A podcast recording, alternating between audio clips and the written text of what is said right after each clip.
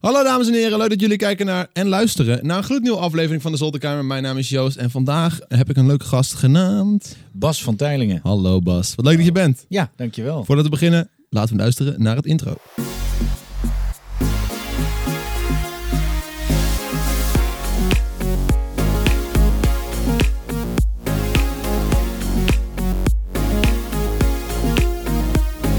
Oké, daar zijn we. Bas, wat leuk Ja. dat je er bent man. Ja, Super tof. Hoe lang staat deze afspraak ook al een tijdje, toch?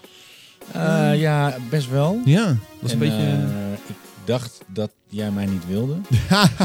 ja, nou, je stuurde me dus zo'n WhatsAppje en ik dacht echt van, nee, dat meen je niet. Maar ik was gewoon helemaal vergeten om weer een nieuwe afspraak met je te plannen. Ja, Maar ik wilde je wel heel graag, echt heel graag. oké. Ook zeker naar, eigenlijk toen al vanaf het moment dat jij aankondigde van de, de film van Gio komt eraan. Ja. Toen dacht ik van, shit, ik wil Bas hebben, ik wil hem hierover over spreken. Dat vind ik een vet onderwerp. I'm here! En je bent er, wel wat later, want de, de film is, eh, is al bijna in de bioscoop te zien. Ja, Deze aflevering komt aanstaande zondag online. Wanneer is de première, Bas? 29 december. Oef, december. Is dat, is Eh, sorry, november. November, oké, ik wou zeggen. Dus dat is eh, voor de mensen volgende week Vrijdag. vrijdag, ja. Dus Ja. Spannend. Het is een publiekspremière, dus eh, eh, we hebben een livestream op het kanaal van Gio. Oké. Met drie camera's schakelen. Een beetje zoals dit, maar dan anders.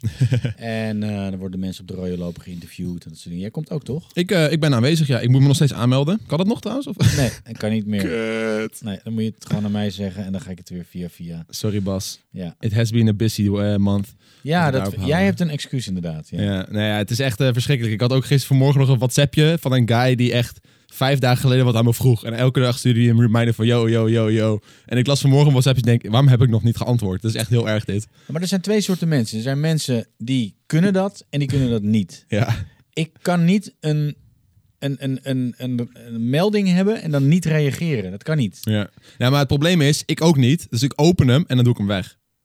En dan vergeet ik dat die persoon ooit een bericht heeft gestuurd. En dat is slecht. Maar dat is het hele idee van die... Ja, van die melding. die Dat is die hele ja, maar ik kan het niet hebben dat er een één staat, dus ik haal hem weg. Ja. En dan lees ik het snel. En dan ga ik door met waar ik mee bezig was en dan is het weer weg uit mijn Ik hoofd. heb allemaal meldingen uitstaan. Oh, Dus ik krijg pas mijn WhatsApp berichtjes als ik WhatsApp open. Oh maar dat is, is dat handig?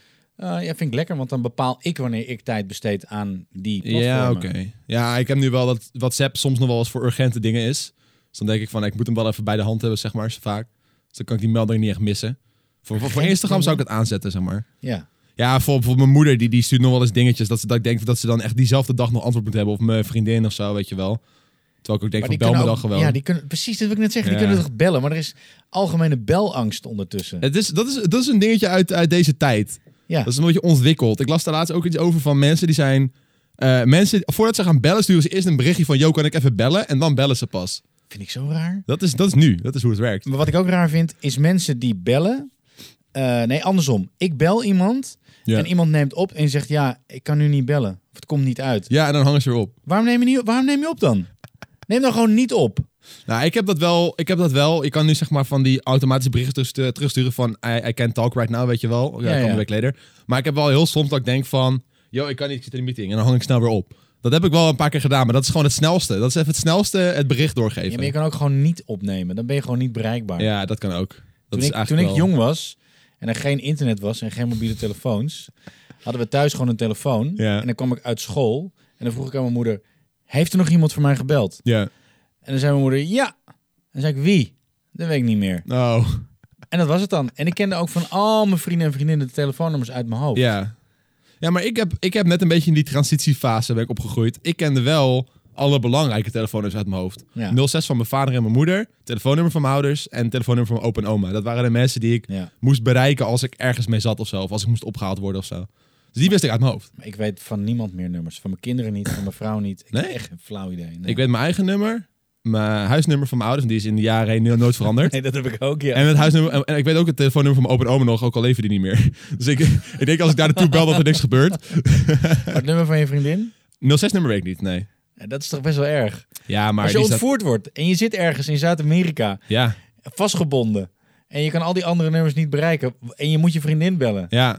Dan bel ik mijn opa en oma. Die nemen alleen niet op. Nee. Oh, ja, nee, dat is wel een probleem. Ja, maar nu moet ik weer helemaal dat nummer gaan onthouden. Dat is wel een dingetje, want ik weet nu wel mijn eigen nummer en dat geeft ook mij een soort van meer angst dat mijn nummer ooit gelekt wordt. Want dan moet ik een nieuw nummer nemen en dan moet ik hem opnieuw gaan onthouden. Ja, dat is heel erg. En dat wil ik niet. Ik, ik heb best wel vaak dat eh, collega's YouTubers spreek en zeggen dan van ja, ik heb weer een nieuw nummer, want mijn nummer is gelekt. Ja. En dan denk ik van ja, hoe kut is dat? Want dan moet ik weer helemaal opnieuw dat nummer in je hoofd gaan houden. Ja, maar het hoeft ook niet, hè? Ik bedoel, er zijn genoeg mensen waar nummers van gelekt zijn en die houden gewoon hun eigen nummer. En Ja. die nemen dan gewoon niet op of die blokkeren gewoon onbekende Oh nummers. ja, gewoon blokkeren. Ja, Ja, dat kan ook. klaar. Dat is ook wel een goeie. Met, als je belt zonder nummer herkennen, kan je ook blokkeren? Volgens mij nee, niet. Dat, dat niet inderdaad. Ja, sommige slimme jongens die doen dat wel als ze gaan pranken. Ja.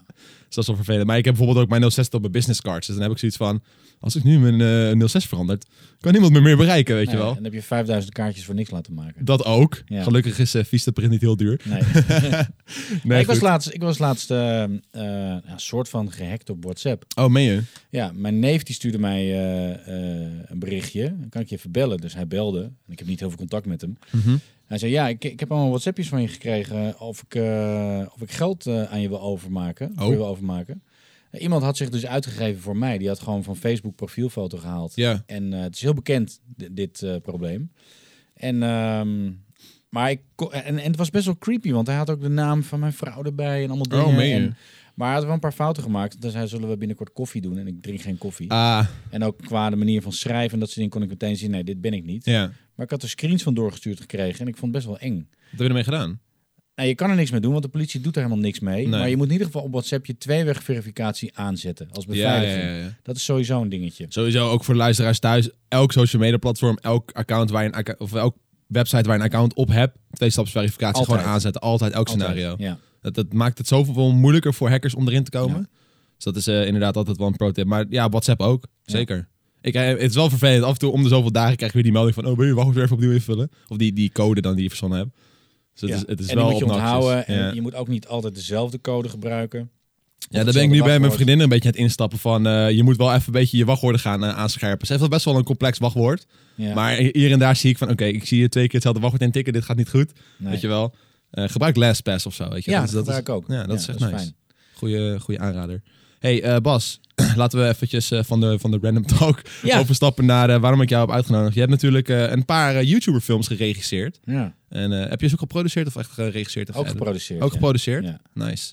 Dus het begon met, met Dylan. Dat was, was dat je eerste echte... Nou, ik wilde altijd al heel graag een film maken. Ja, Ik heb een aantal korte films gemaakt. Het heb ik in 2012 een film gemaakt, Hè Gezellig. En die is een soort van mislukt. oké. Er was geen geld en gedoe. En ik kwam van televisie en de mensen van de, uit de filmbranche... Die, ja, die zagen mij niet serieus als een filmmaker. En toen zat ik te denken van... eh, ik had veel contact met Dylan toen en we namen veel video's op samen. En toen dacht ik, die content is wel heel erg geschikt om te vertalen naar een film. Mhm. Dus heb ik samen met scenario schrijver Michiel Perenboom een eh, idee bedacht. En toen zijn we naar Dylan gegaan. En eh, nou, die was eigenlijk wel enthousiast. En toen Dus- zijn we met elkaar dat pad gelopen. Dus jullie hebben eigenlijk het scenario gemaakt zonder Dylan erbij. En toen hebben jullie Dylan erbij gehaald. Nou, we hebben gewoon heel goed naar zijn video's gekeken. Ja, En ondertussen, ehm, de humor is redelijk universeel tussen mij en Dylan. Ja. We, we hebben wel gewoon een hele goede klik. En eh, dat was de eerste video die we ooit opnamen. Dat ging meteen zo ontzettend makkelijk. Mhm. Ehm, en eh, hij, houdt ook, hij houdt heel erg van flauwe humor. Ik ook. En woordgrappen en Ja. dat soort dingen. Dus toen, ehm, toen hadden we wel een soort van verhaaltje bedacht. Wat heel erg aansloot bij Cliffhanger en bij de top 10 eh, video's. En ehm, ja, dat matchte wel. Hebben we nog een schrijfweekend gehad. Dus dan hebben we nog met, eh, met Marit en met Rick erbij. eh, Oké. hebben we een weekend zeg maar nog allerlei dingen erbij verzonnen. Om het nog meer uiteindelijk het Dylan sausje te geven. ja precies. En toen was het af en toen gingen we aan de slag. Oké, ja, want dat is denk ik wel belangrijk dat natuurlijk zijn eigen input en zijn eigen creativiteit ook wel in die film zit. Ja, Want eh, zeg maar, het is wel. Ik had echt verwacht van oké, eh, Dylan die wilde film maken. En, en, en dat ging zo. Maar het was echt van jij wilde film maken over Dylan en ging naar Dylan toe.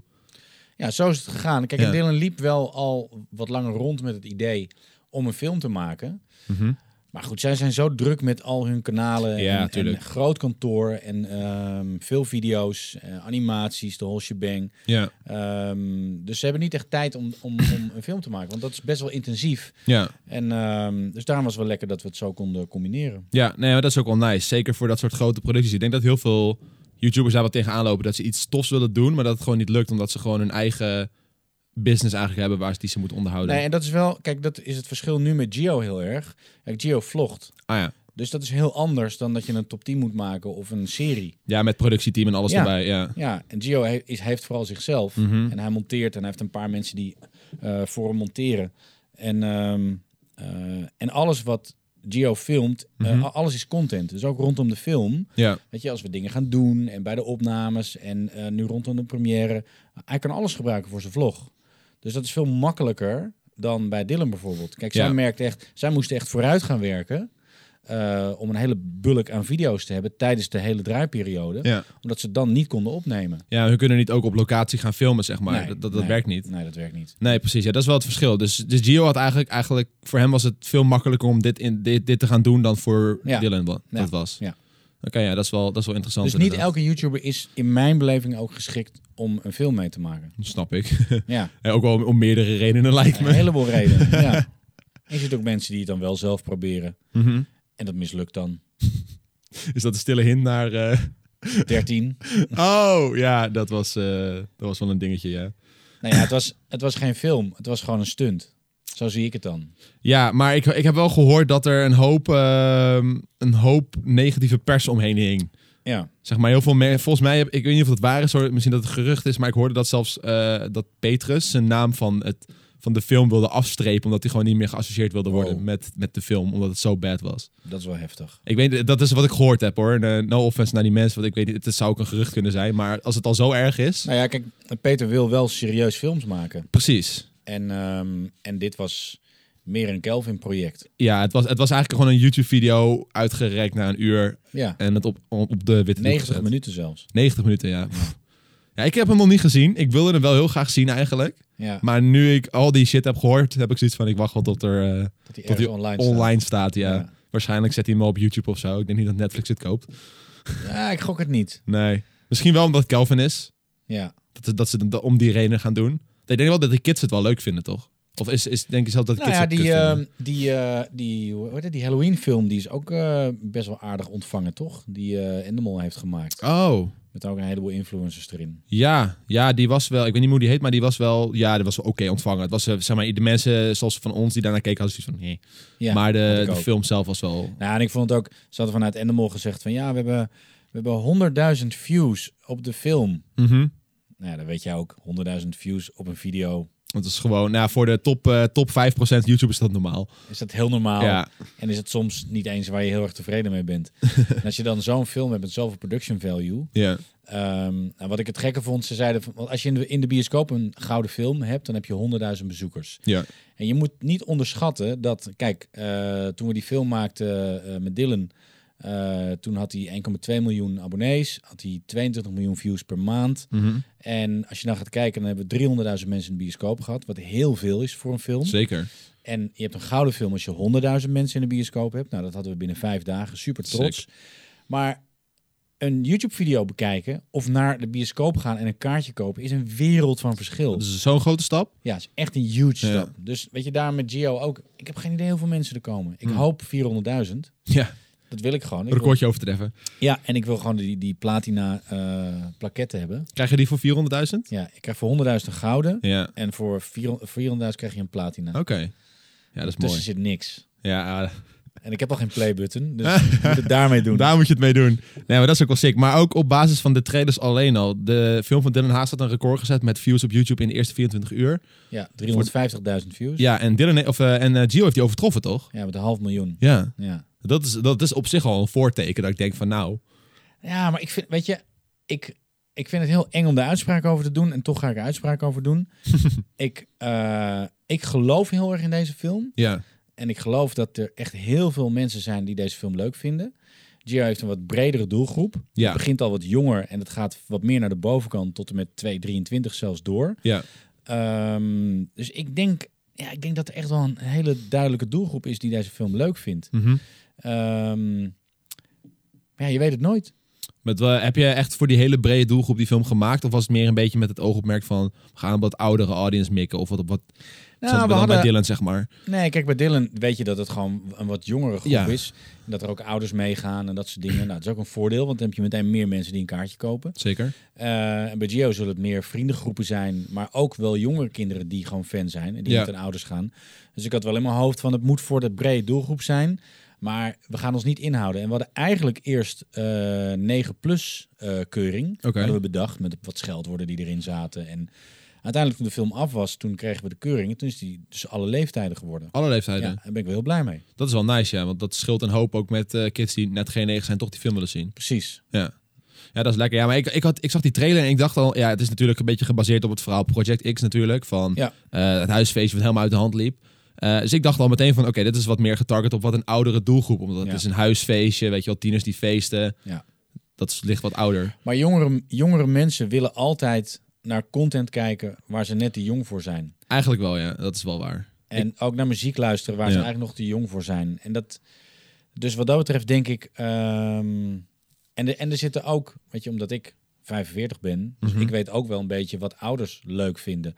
En dat hadden we bij, bij de film van Dylan hadden we dat ook. We wilden gewoon een film maken die voor en voor jongeren en voor ouderen leuk was. Ja. En dat is gelukt. We hebben zoveel positieve reacties gekregen van mensen, van ouders die allerlei vooroordelen hadden over YouTubers. Oké. En zeiden van, eh, ah, ik dacht weer zo'n eh zo'n kutvlogger, weet je wel. Ja, ja, en dan, ja, ja. eh, en en ik dacht, ik ga lekker slapen in de bioscoop. Maar ik heb me ontzettend vermaakt. Oké. En dat vonden wij allebei echt super vet om te horen. Ja, maar dat is ook wel nice dat jullie daarmee bezig zijn. Want ik ben er bijvoorbeeld nu ook een theatershow aan het opzetten. En dat is ook wel een van de, van de belangrijkere punten waar ik telkens op hamer van. We moeten ook ervoor zorgen dat die ouders het naar hun zin hebben. Ja. Want eh, de- wat de ouders eigenlijk al weten over YouTube is inderdaad dat die kinderen achter die iPad zitten. Die, die ouders kijken niet mee. En ze horen alleen maar geschreeuw. Horen jullie schreeuwen? En, en dat is het het. enige wat die ouders binnenkrijgen. Dus ik snap heel goed dat, dat, er, dat er sikke vooroordelen zijn Ja. van ouders ten opzichte van YouTubers. Dus als zij dan naar een show kunnen gaan of naar een film kunnen gaan en zien van, oh, dit is best wel, best wel goed. Ja, Dat, dat, dat helpt voor, eigenlijk voor elke partij is dat gewoon goed. Voor, Ja. voor iedereen helpt dat. ja,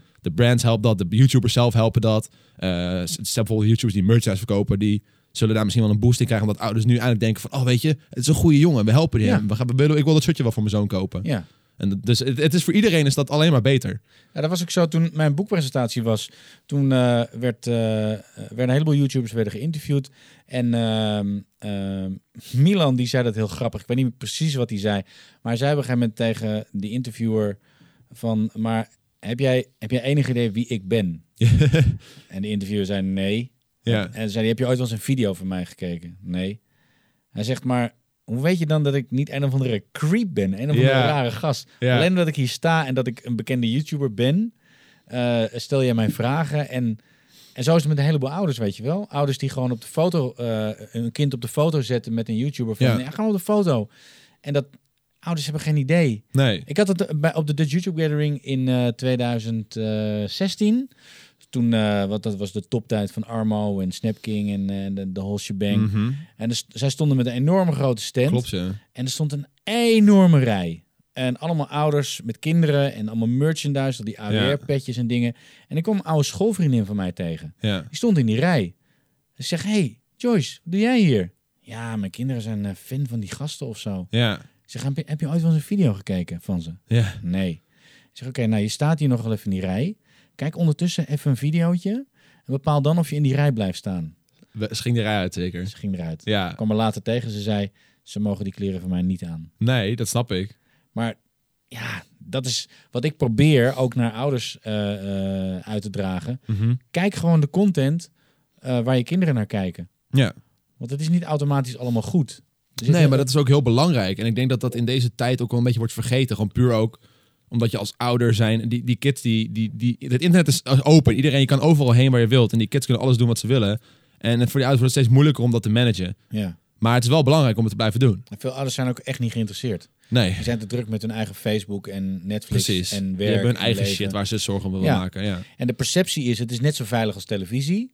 Kijk, vroeger had je, had je in de woonkamer stond een televisie. Mhm. En dan kon je als ouders gewoon zien waar wordt er naar gekeken. En dan had je ruzie over de afstandsbediening en, Ja. en wat er in de gids stond en dat soort dingen. Ja. Toen kregen mensen televisies op hun kamer. Nou, dat was op zich ook nog wel te controleren. Omdat je in Nederland een systeem hebt met de kijkwijzer. Ja. Dus eh, bepaalde dingen worden niet op een bepaald tijdstip uitgezonden. Inderdaad, wat je zegt, internet is gewoon het wilde westen. Ja. En ouders zijn zo makkelijk, weet je. Eh, Telefoon, iPad, computer, doe maar. Het Mhm. zal wel. Ja. En ze hebben super veroordelen. Dat vind ik heel erg jammer. Ja, nee, dat is ook zo. Maar dat is misschien ook wel gek, omdat ze, of niet, niet heel gek, omdat ze dus niet weten wat de kinderen doen. Nee. En ze horen dingen en, dat, en dat- daarop bas- baseren ze hun Ja, maar het is heel vaak Een uit, oordeel. uit context. sowieso uit context, want hun zien niks. Hun horen het alleen. Ja.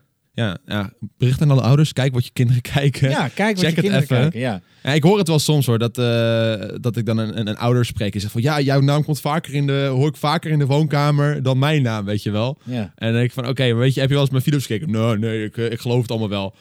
Maar Ik dat is toch raar? Ja, het is wel een beetje gek. Ik zal, kijk gewoon een keertje mee, want voor hetzelfde geld vind je me helemaal gewoon een kutjoch. Ja. En mogen ze niet meer kijken, en voor hetzelfde geld vind je het wel prima. Dat is natuurlijk wat ik wil. Ja.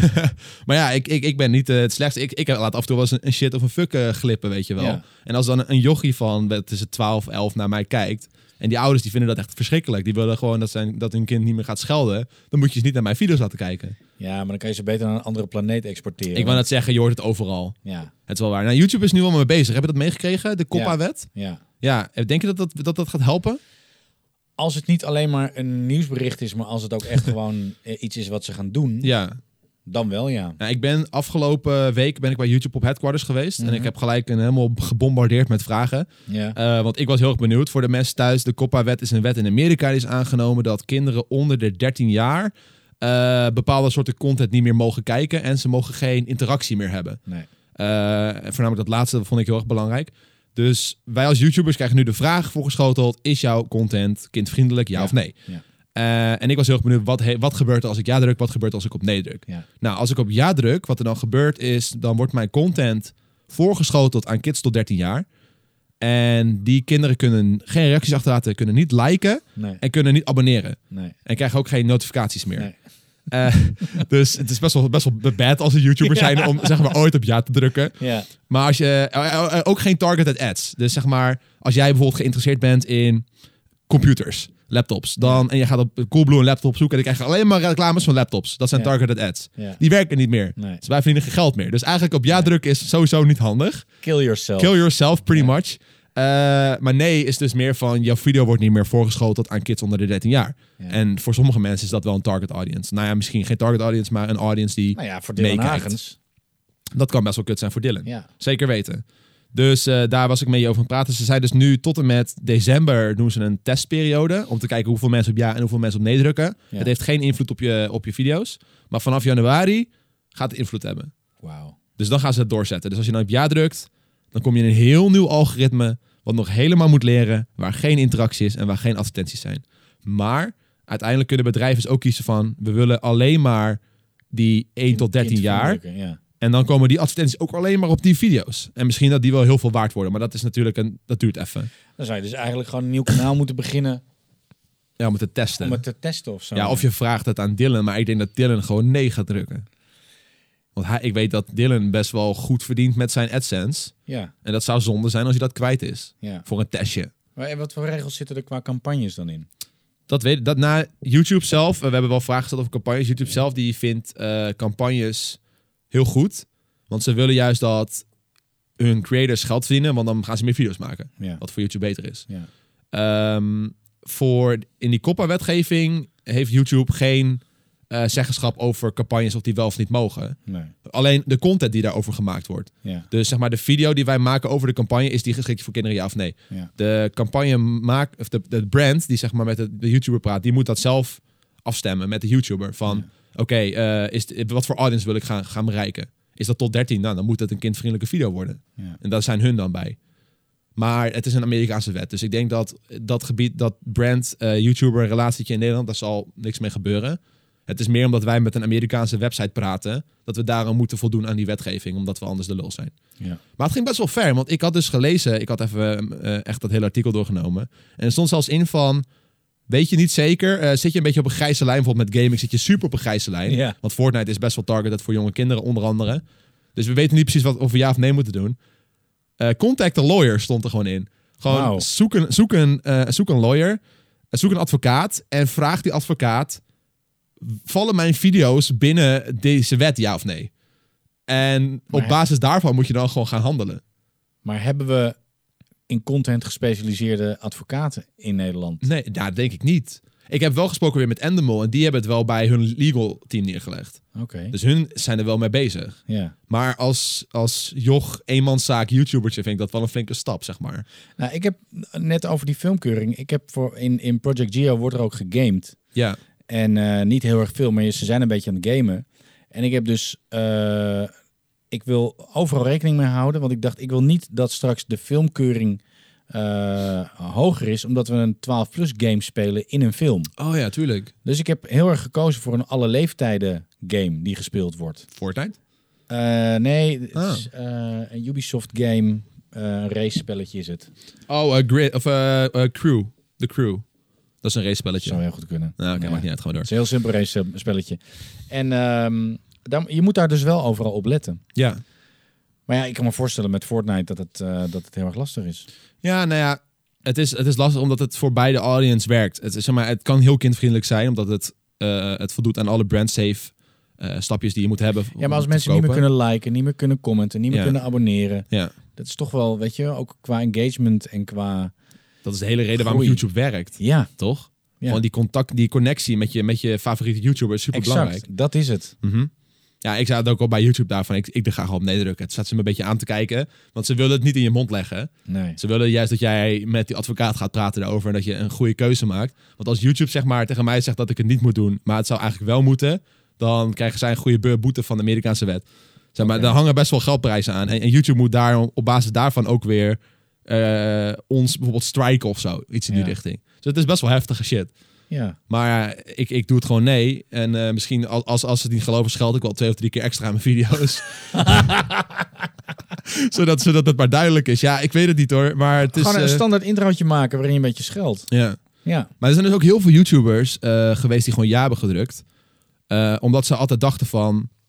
The kids is where the money at. Dat is eigenlijk altijd een, hoe, de YouTubers een beetje zijn opgevoed. Van, Mhm. het YouTube-platform zit vol met kinderen. Dus maak kindvriendelijke content en je bent binnen. Ja. Dat is eigenlijk hoe het een beetje met de paplepels ingegoten. Ja. In, in hele makkelijke woorden. Er zijn heel veel YouTubers die geen zin hadden om te lezen. Denken van, oké, natuurlijk wel ja. Want ik wil juist die kinderen niet verliezen. ik had eventjes de kleine, le- de kleine lettertjes gelezen. En toen dacht van, oef, niet zo doen. verstandig. Nee. Gelukkig hebben we tot december de tijd om het nog eh, te doen en laten. Dus eh, jongens, als jullie ja hebben gedrukt, You're doomed. think again. Ja. Maar goed, ja, ik vind het zelf eh, een hele interessante stap. Maar inderdaad, eh, ik weet niet eens hoe we hier gekomen zijn eigenlijk op dit onderwerp. Dat maakt niet uit. Maakt niet uit, het is gewoon een goed onderwerp om over te praten. Maar eh, ja, de film van Gio komt eraan. Ja. Hoe was het om met hem samen te werken met die jongens?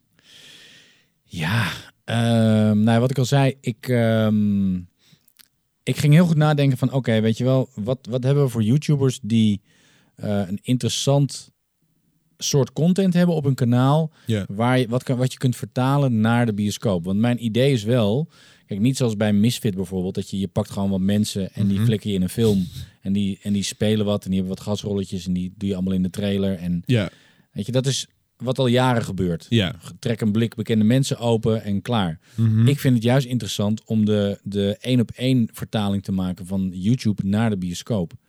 Ehm, dus ik heb Gio gevraagd, eh, dat is alweer, eh, ik denk anderhalf jaar geleden of zo. En eh, nou, hij vond het wel leuk. Ja. En ehm, eh, toen zijn we weer, we zijn heel veel vlogs gaan kijken. En we hebben natuurlijk een paar gesprekken met hem gehad. En toen hebben we een verhaal bedacht. En toen gingen we dat verhaal presenteren bij hun thuis. Bij, met zijn ouders en met Melanie erbij. Ja, ja, natuurlijk. En eh zij moesten heel hard lachen, omdat ze alle vier zeiden: dit zou gewoon echt kunnen gebeuren. Oh, En toen wisten we dat we goed zaten. Ja. En ehm, ja, ik heb heel veel respect voor eh, Gio en Melanie en Marcel en Louise, omdat ze geen acteurs zijn. Mhm. Ze hebben nooit een acteeropleiding gehad, ze hebben nooit les gehad, dat soort dingen.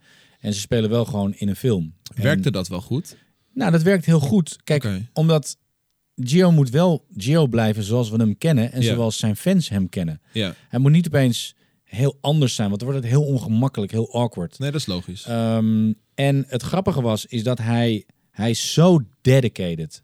Hij, is, hij was elke dag op tijd, ruim op tijd. Mhm. Hij is heel rustig op de set.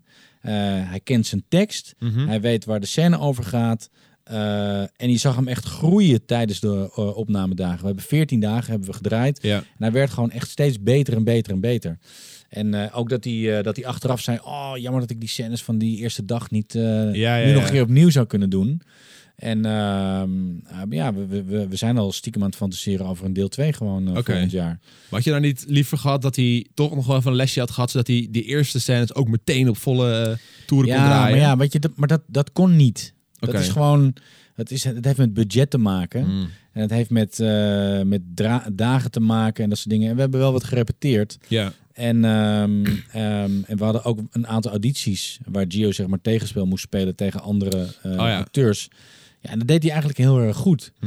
Eh, plus dat hij heeft al in twee Misfits gesp- eh, films gespeeld en eh, in een andere film, The Storm of zoiets. En dus hij heeft best wel veel setervaring. Ja. Ehm, en dat maakte wel dat, hij, dat, hij, dat het heel relaxed ging eigenlijk. Maar ik denk wel voor een tweede film dat ze allemaal lekker eventjes nog op wat acteerles gaan. Ja. En, eh, ehm, maar eer- meer ook spraak, zeg maar. Ja, tuurlijk. Articulatie Goed, en zo. goede articulatie, dat is belangrijk. Ja. En ehm, eh, in, in, in Amerika worden bijna alle films worden ge-ADR'd. Dus, ge, dus gedubt, zeg maar. Oh, echt? Ja, bijna alles is gedubt. Sick. Ehm, en eh, als je hele goede acteurs hebt, dan kan dat. Mhm. Maar als je mensen hebt die niet hele goede acteurs zijn, dan wordt het slechter. Hmm. Dat je niet in het moment zit. Dan ben je maanden later opeens in een studio en dan moet je die scène moet je gewoon weer helemaal precies doen. gaan doen zoals je het deed. Dus ik heb van tevoren met de geluidsman afgesproken, we gaan niks dubben. Nul. Echt alleen als er iets echt misgaat of zo. Ja. Eh, en we hebben eigenlijk alleen maar wat dingetjes toegevoegd. En we hebben één dingetje, omdat we dat veranderd hebben in de montage.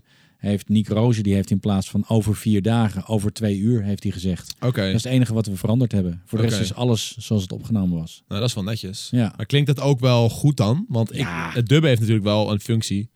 Ja, dub heeft een functie. Als je kijkt naar eh, eh, Elvis Wereld bijvoorbeeld, die film, die is totaal gedubt. Ja. Alles.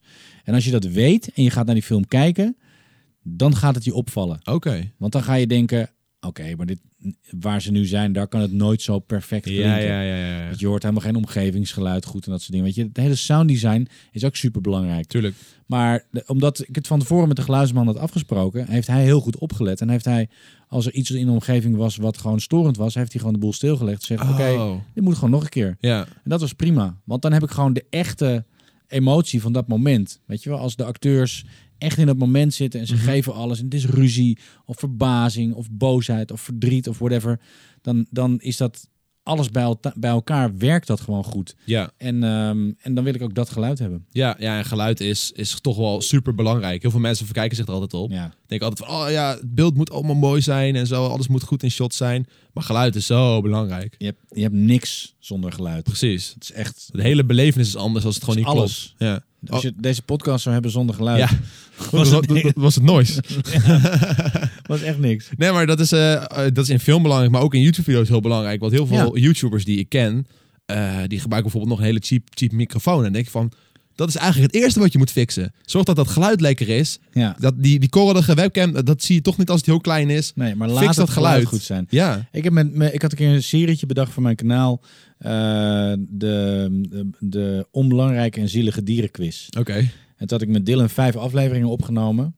En je raadt het al, geluid was niet opgenomen. Oh nee. daar kwamen we achter nadat die vijf afleveringen waren opgenomen. Alle Dus vijf? alle vijf.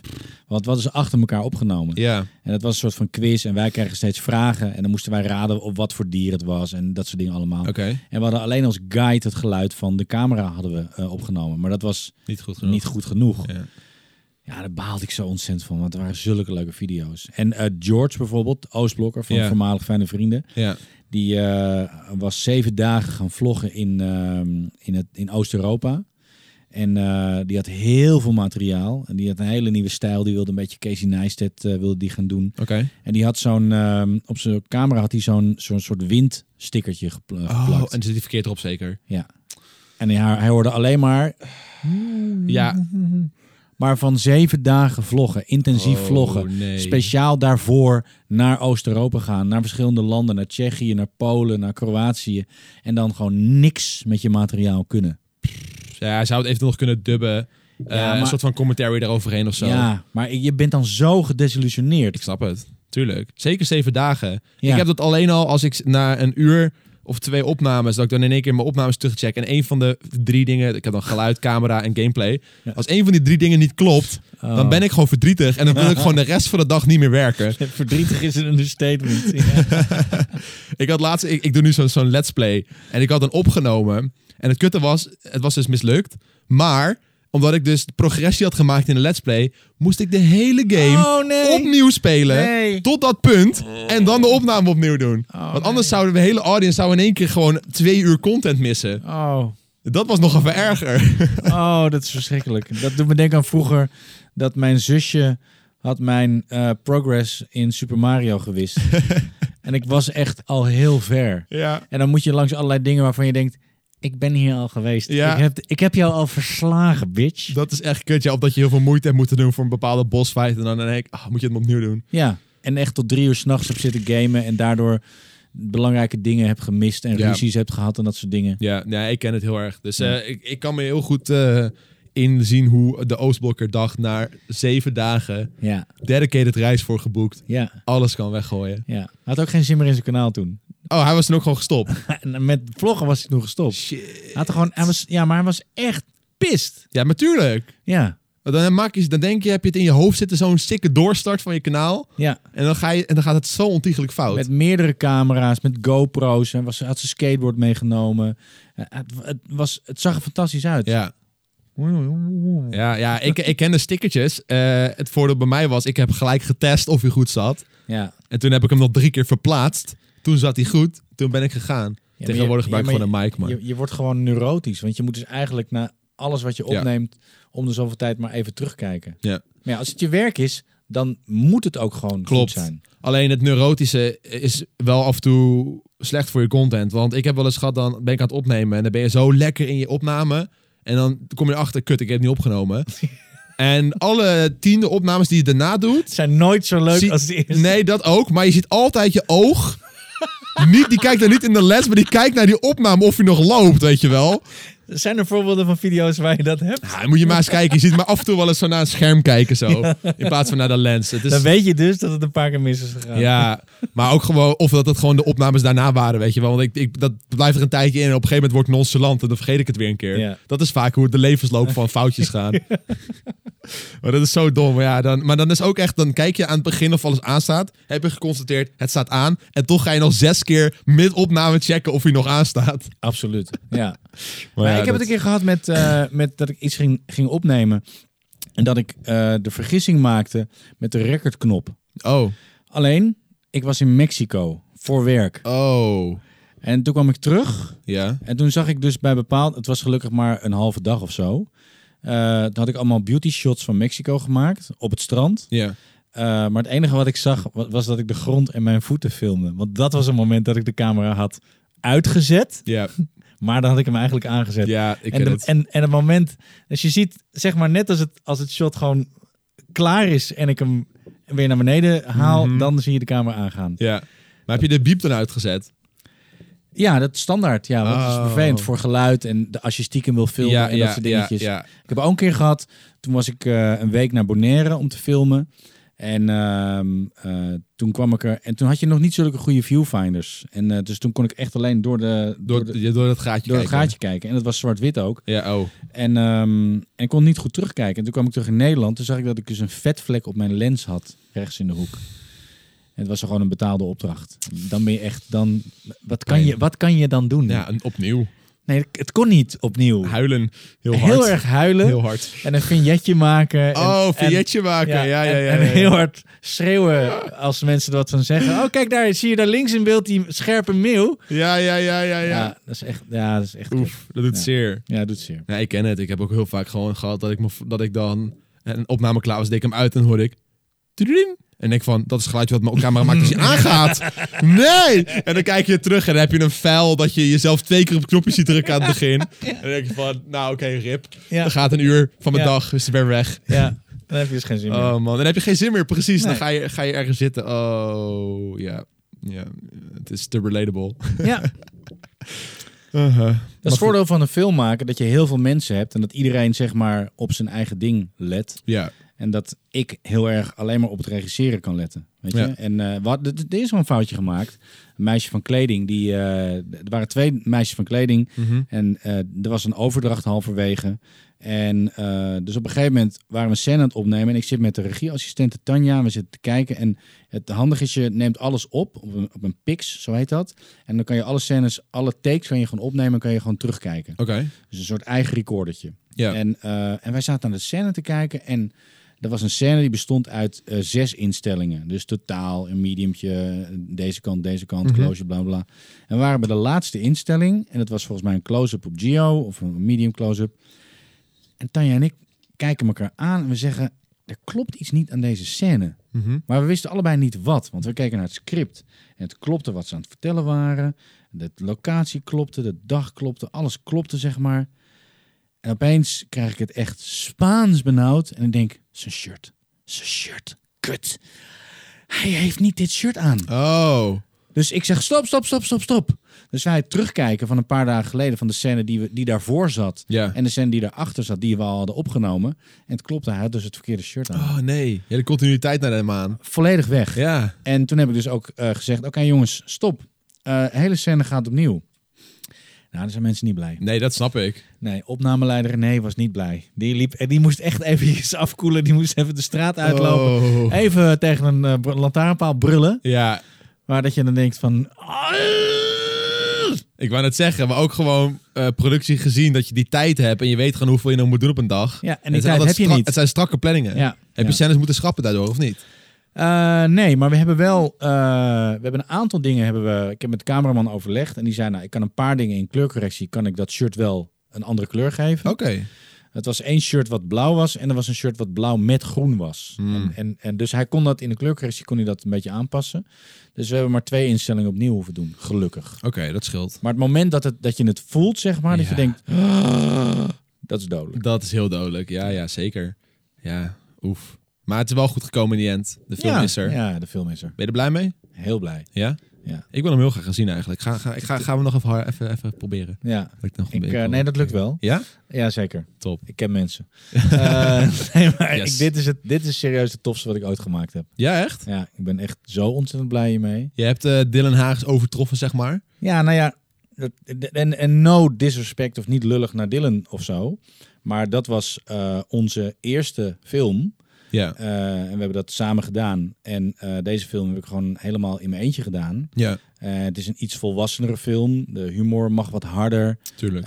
En de, de film van Dylan Hagens was de eerste keer dat ik een bioscoopfilm heb gedaan. Ah, En dit is de tweede keer. En dan leer je gewoon weer van de vorige. Dus we hebben ja, weet je, een wat stoerdere kleurcorrectie gekozen. We hebben het in een iets ander beeldformaat gedraaid. Eh, ik heb iets gedurfdere uitsneden eh, gebruikt. Meer totaal, meer, meer medium. Meer spelen met comedy, wat is echt wat meer plat erop. ja. En, ehm, ja, en qua humor gaat het net een stapje verder natuurlijk. Dus ehm, ja, ik vind het wel heel tof. Maar waarschijnlijk zeg ik bij de volgende film dat dat mijn tofste film is. ja, maar dat is altijd. Je, ben, je bent jezelf altijd al overtreffen. Ja, maar dat moet ook. Je Ja. moet wel gewoon de lat steeds hoger leggen. Ja, Je gaat niet iets maken wat slechter is dan wat je ervoor hebt Precies. gemaakt. Tenminste, ik niet. nou, maar dat zou, je- ja, dat zou, ik, dat zou ik ook niet doen.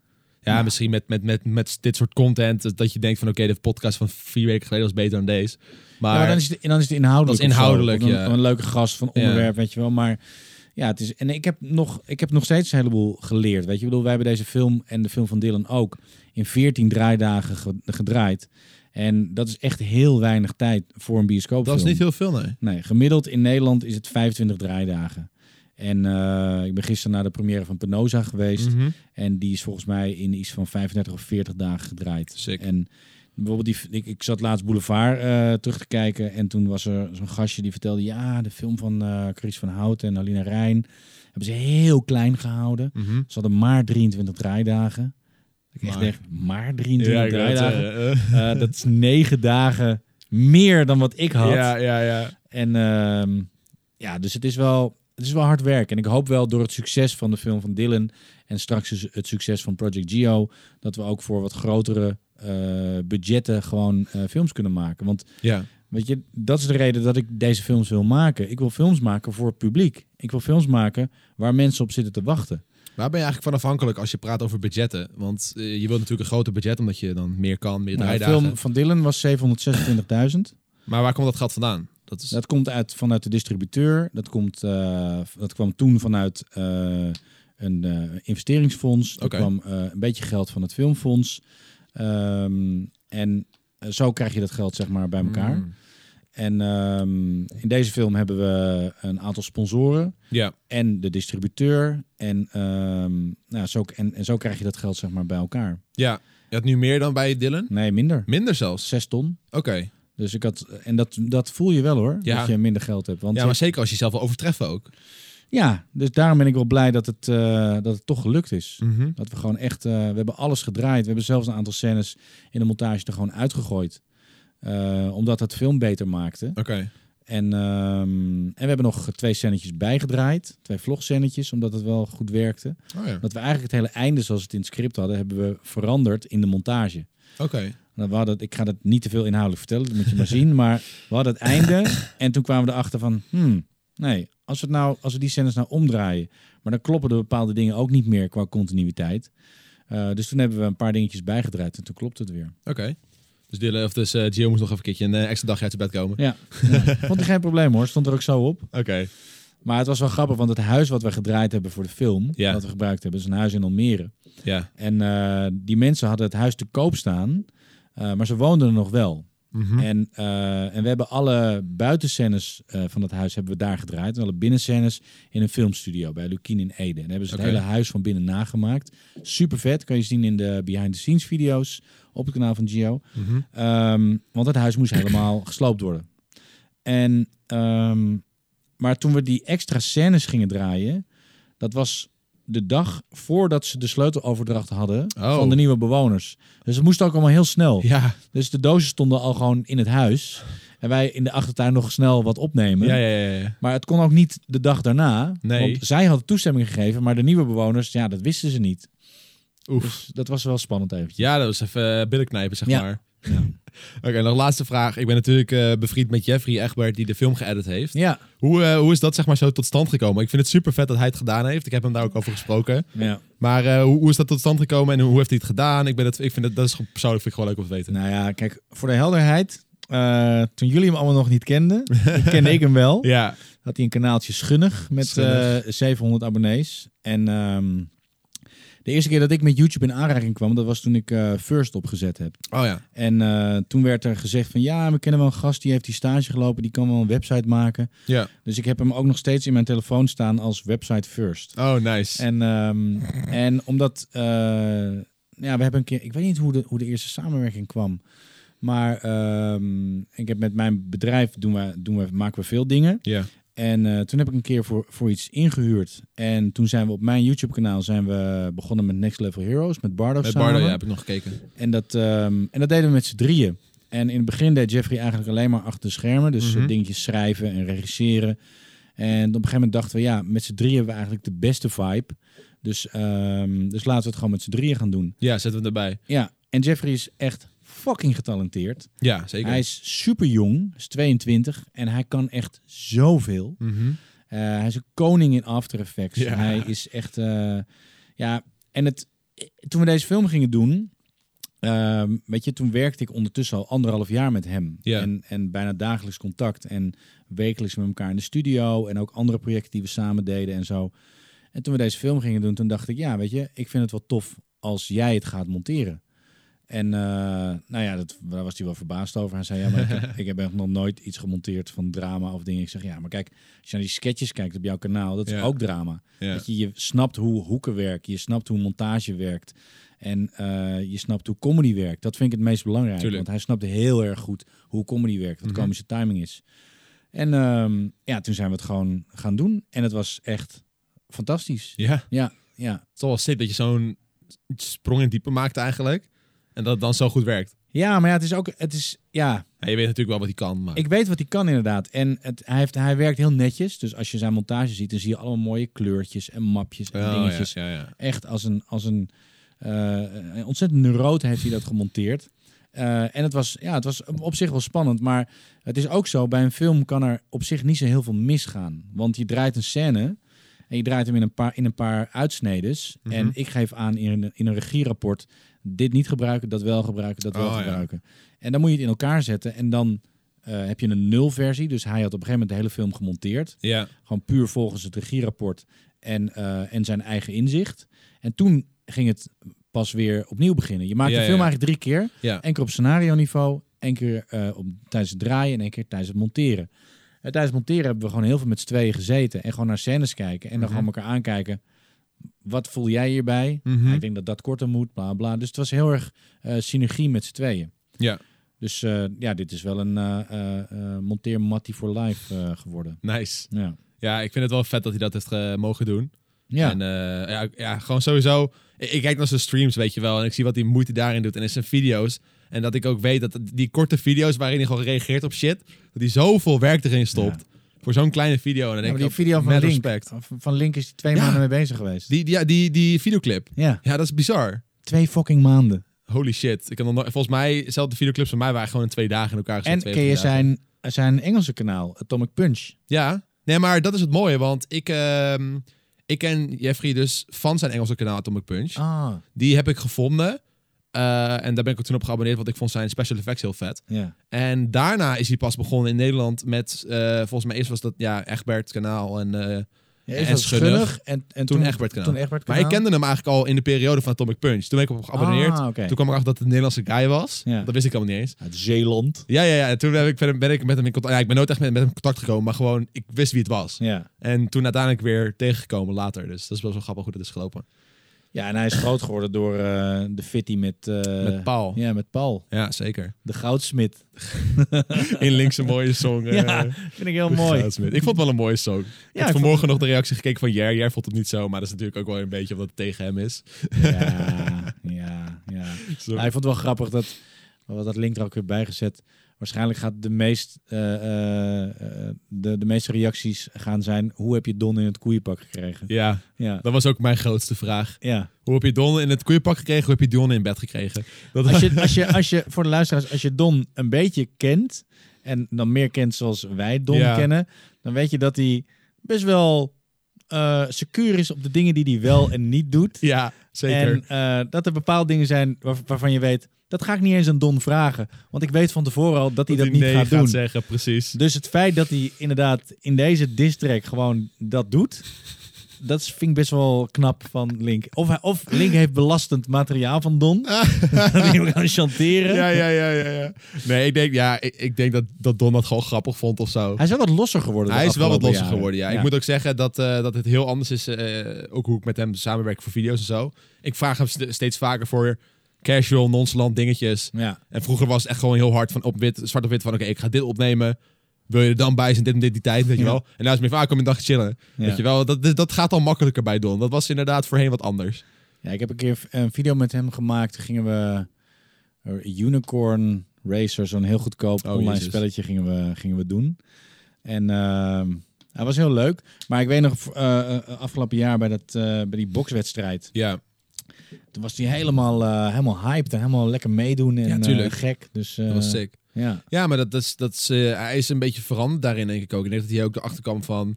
Als ik mijn YouTube-collega's alleen maar als collega's ga zien... dan wordt het ook niet leuker op. nee. Weet je wel, want we zijn gewoon allemaal vrienden. Ja, En als hij dat het anders zou zien, dan... Ja, dat is stom natuurlijk. Dat is niet leuk. Op een gegeven moment ging hij ook vragen van... Ja, waarom word ik nooit uitgenodigd voor Persie-fans? Ja, omdat je altijd of er geld te verdienen is. dan gaan ze je niet meer uitnodigen. En eh, waar, ja, waarom zijn jullie altijd met z'n allen op leuke evenementjes of leuke eh, dingetjes? Ja, van, ja, we vragen jou gewoon niet meer omdat je altijd nee zei. Ja. Maar daar is je, dat is echt al sinds de afgelopen twee jaar is dat al veranderd. Ja. Dus dat is wel nice. ja. Dus eh, hens Don in pak. ja absoluut. Ja. Ik vind het leuk. Ik denk dat we hem hier eindigen, Bas. Ehm, ik ga naar je première van Gio. Ik ben heel erg benieuwd. ja, Hopelijk eh, achteraf eh, is het allemaal super succesvol geweest. En ga jij die 400.000 bezoekers aantikken. boom. Boom. Voor de mensen thuis die luisteren en of kijken, check de film van Gio. 29 gaat in première. Ja, je kan première kaarten kopen op projectgeofilm.nl. There you go. En dan kan je bij de première aanwezig zijn. En, ehm, en vanaf 5 december is de officiële release in de Nederlandse bioscopen. En België ook? België ook. En Nice. 4 december hebben we de première in België. Nice. In de Kinopolis in Antwerpen. Jullie horen, dames en heren. Check de film. Dankjewel dat je hier was en dat je wilde praten hierover. Ik vond het super leuk. En eh, tot de volgende keer iedereen. Bedankt voor het kijken en luisteren. Bye bye. Later. Hoi.